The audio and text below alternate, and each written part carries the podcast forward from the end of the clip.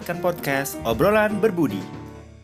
Kembali lagi di obrolan berbudi segmen mitos atau fakta. Di sini kita akan membongkar mitos-mitos terkait investasi saham langsung bersama ahlinya Aje. Iya, halo teman-teman. Iya, berjumpa lagi ya kita Iya. di obrolan berbudi. Nah, sekarang masyarakat Indonesia itu kebanyakan kan belum apa ya, belum melek investasi saham. Jadi gampang percaya dengan mitos-mitos yang beredar terkait Mm. investasi saham. Iya. Oleh karena itu ada beberapa mitos dan atau fakta yang ingin diklarifikasi terkait dengan investasi saham itu. Oke, Udah siap? siap. Oke. Investasi saham itu sama dengan judi. Mitos atau fakta? Mitos. Oh, mitos. Bisa jelaskan? Ah. Iya, sebenarnya eh, apa namanya saham itu eh, bukan judi. Nah, Hmm. jadi eh, MUI Majelis Ulama Indonesia itu eh, eh, Majelis Ulama Indonesia sudah mengeluarkan fatwa eh, tentang saham bahwa sudah mengklarifikasi bahwa saham itu bukan judi. Nah, kan kalau judi itu kan konsepnya gini. Kita eh, misalkan kayak di apa namanya? tempat di kasino nih ya atau di tempat perjudian gitu kan kita naruh duit terus kita kalah uang kita habis kan Betul. nah tapi kalau misalkan di saham kita naruh uang sekian terus lagi minus sekian persen Mm-mm. itu tetap bisa kita jual dan uang kita tidak habis sepenuhnya Oh, gitu jadi ketika kita jual hanya rugi berapa persen kita jual itu uangnya kembali lagi ke kita nggak langsung nggak habis. langsung habis gitu. seperti itu itu Oke. pertama terus kedua kalau judi itu kan dia gambling Mm-mm. gambling kan tanpa belajar dulu nih tanpa ilmu ada ilmu judi nggak nggak ada Nggak ada. nggak ada kan nah Iya. nggak pakai belajar tadi kayak mainnya tuh feeling insting jadi uh, uh, dia naruh berapa duit kalau misalkan menang ya menang. Hanya keberuntungan saja ya kalah mungkin karena memang lagi sial aja seperti itu. Iya. tapi kalau di saham itu bukan judi gitu. Bisa aja judi tapi bisa aja judi kalau misalnya teman-teman uh, nggak pakai ilmunya Hmm. gitu. Jadi main asal-asalan gitu. Tapi kita di saham ini ada ilmunya gimana caranya biar saham yang kita punya ini tetap cuan seperti itu. Hmm. jadi itu uh, sekali lagi bukan saham itu bukan judi. Oke, selanjutnya investasi saham itu butuh modal besar. Mitos atau fakta? Eh, mitos Hmm. karena cukup hanya dengan 100.000 ribu rupiah saja teman-teman Wow. sudah bisa mulai investasi saham Oh, seperti itu sama kayak jumlah uang yang bisa di spend untuk makan pensi. Iya, heeh, daripada beli uh, minum atau beli barang yang harganya mungkin uh, mahal gitu kan, Hmm. ya kenapa enggak kita bisa kurangin uh, jajan kita jajan kita sehari-hari kita alokasikan untuk beli saham, kita tabung seperti itu. Kalau misalnya kita beli barang-barang itu kan lebih ke konsumtif kan, tapi kalau kita beli saham itu bukan konsumtif, tapi kalau kita beli saham itu uang kita akan berkembang, Berkembang, berlipat terus ya kekayaan Iya, kita. benar. Jadi modal hanya 100.000 ribu sudah bisa. Oke, catat tuh 100 ribu aja kalian udah bisa Hmm, nggak harus investasi modal saham. besar. Selanjutnya, investasi saham itu sulit dan makan waktu. Mitos atau fakta tuh? Mitos. Siapa bilang sulit? Mungkin sulit karena teman-teman belum tahu nih, belum tahu caranya, belum tahu ilmunya. Tapi kalau sudah tahu uh, informasi tentang saham, sudah tahu uh, mema- sudah pahami nih keuntungan dan resikonya itu sebenarnya gampang banget seperti itu.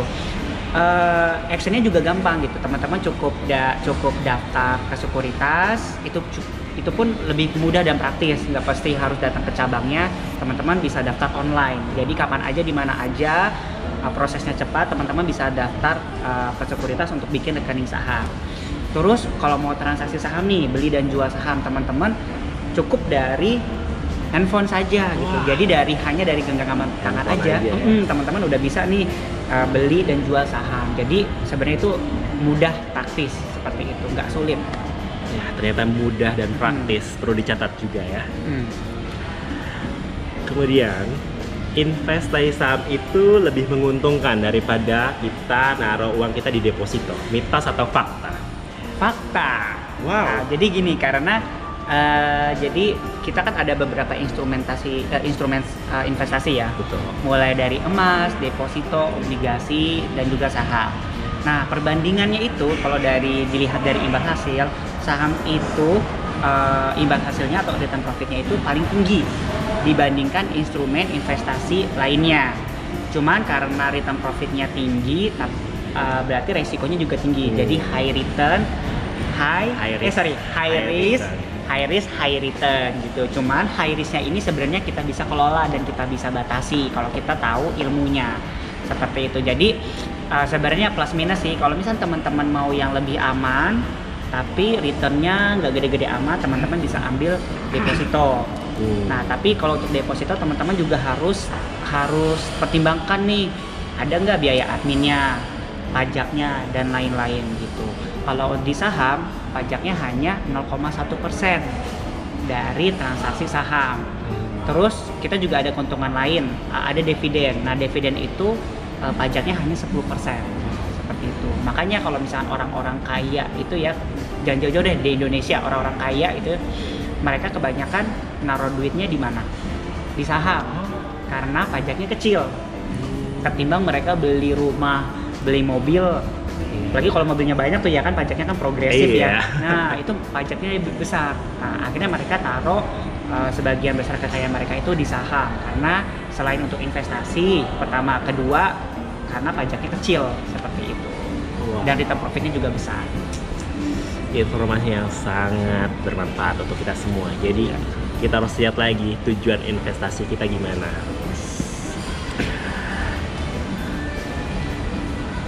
Eh, selanjutnya, investasi saham itu hanya untuk kalangan tertentu, mitos atau fakta.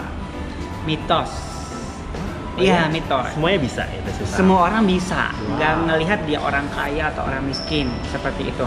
Jadi eh, sekarang tuh eh, kalau dulu kita satu lot itu 500 lembar. Hmm, oh iya zaman dulu ya. Hmm, jadi se- semenjak eh, ada kampanye Yuk Nabung Saham, pemerintah sudah eh, apa namanya satu lotnya itu jadi 100 lembar, jadi lebih murah.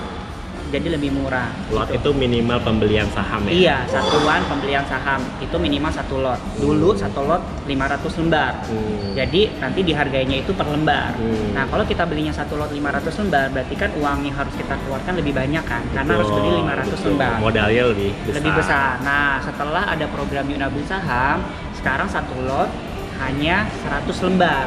Jadi teman-teman dengan misalkan beli 500 lot 500 lembar itu teman-teman bisa jadi bisa beli 5 lot seperti itu. Oh, begitu. Jadi lebih murah gitu dan sekarang eh, teman-teman pun dah hanya hanya dengan uang 100.000 rupiah saja itu teman-teman sudah bisa mulai nabung saham gitu. Jadi nggak mesti harus orang kantoran, mahasiswa pun bisa, ibu Hmm. rumah tangga bisa, driver ojek online bisa, siap aja bisa. Jadi nggak harus juga punya background di ekonomi atau nggak harus punya background di bidang keuangan eh, dan lain-lain. Jadi misalnya 100.000 ribu tadi, berarti kan sudah bisa beli satu lot saham dengan harga maksimal 100 eh 1000 rupiah. Hmm. Jadi kalian semua bisa nabung saham. Itu tadi segmen mitos atau fakta di obrolan berbudi. Jadi ikutin terus obrolan berbudi selanjutnya Terima kasih sudah mendengarkan podcast Obrolan Berbudi.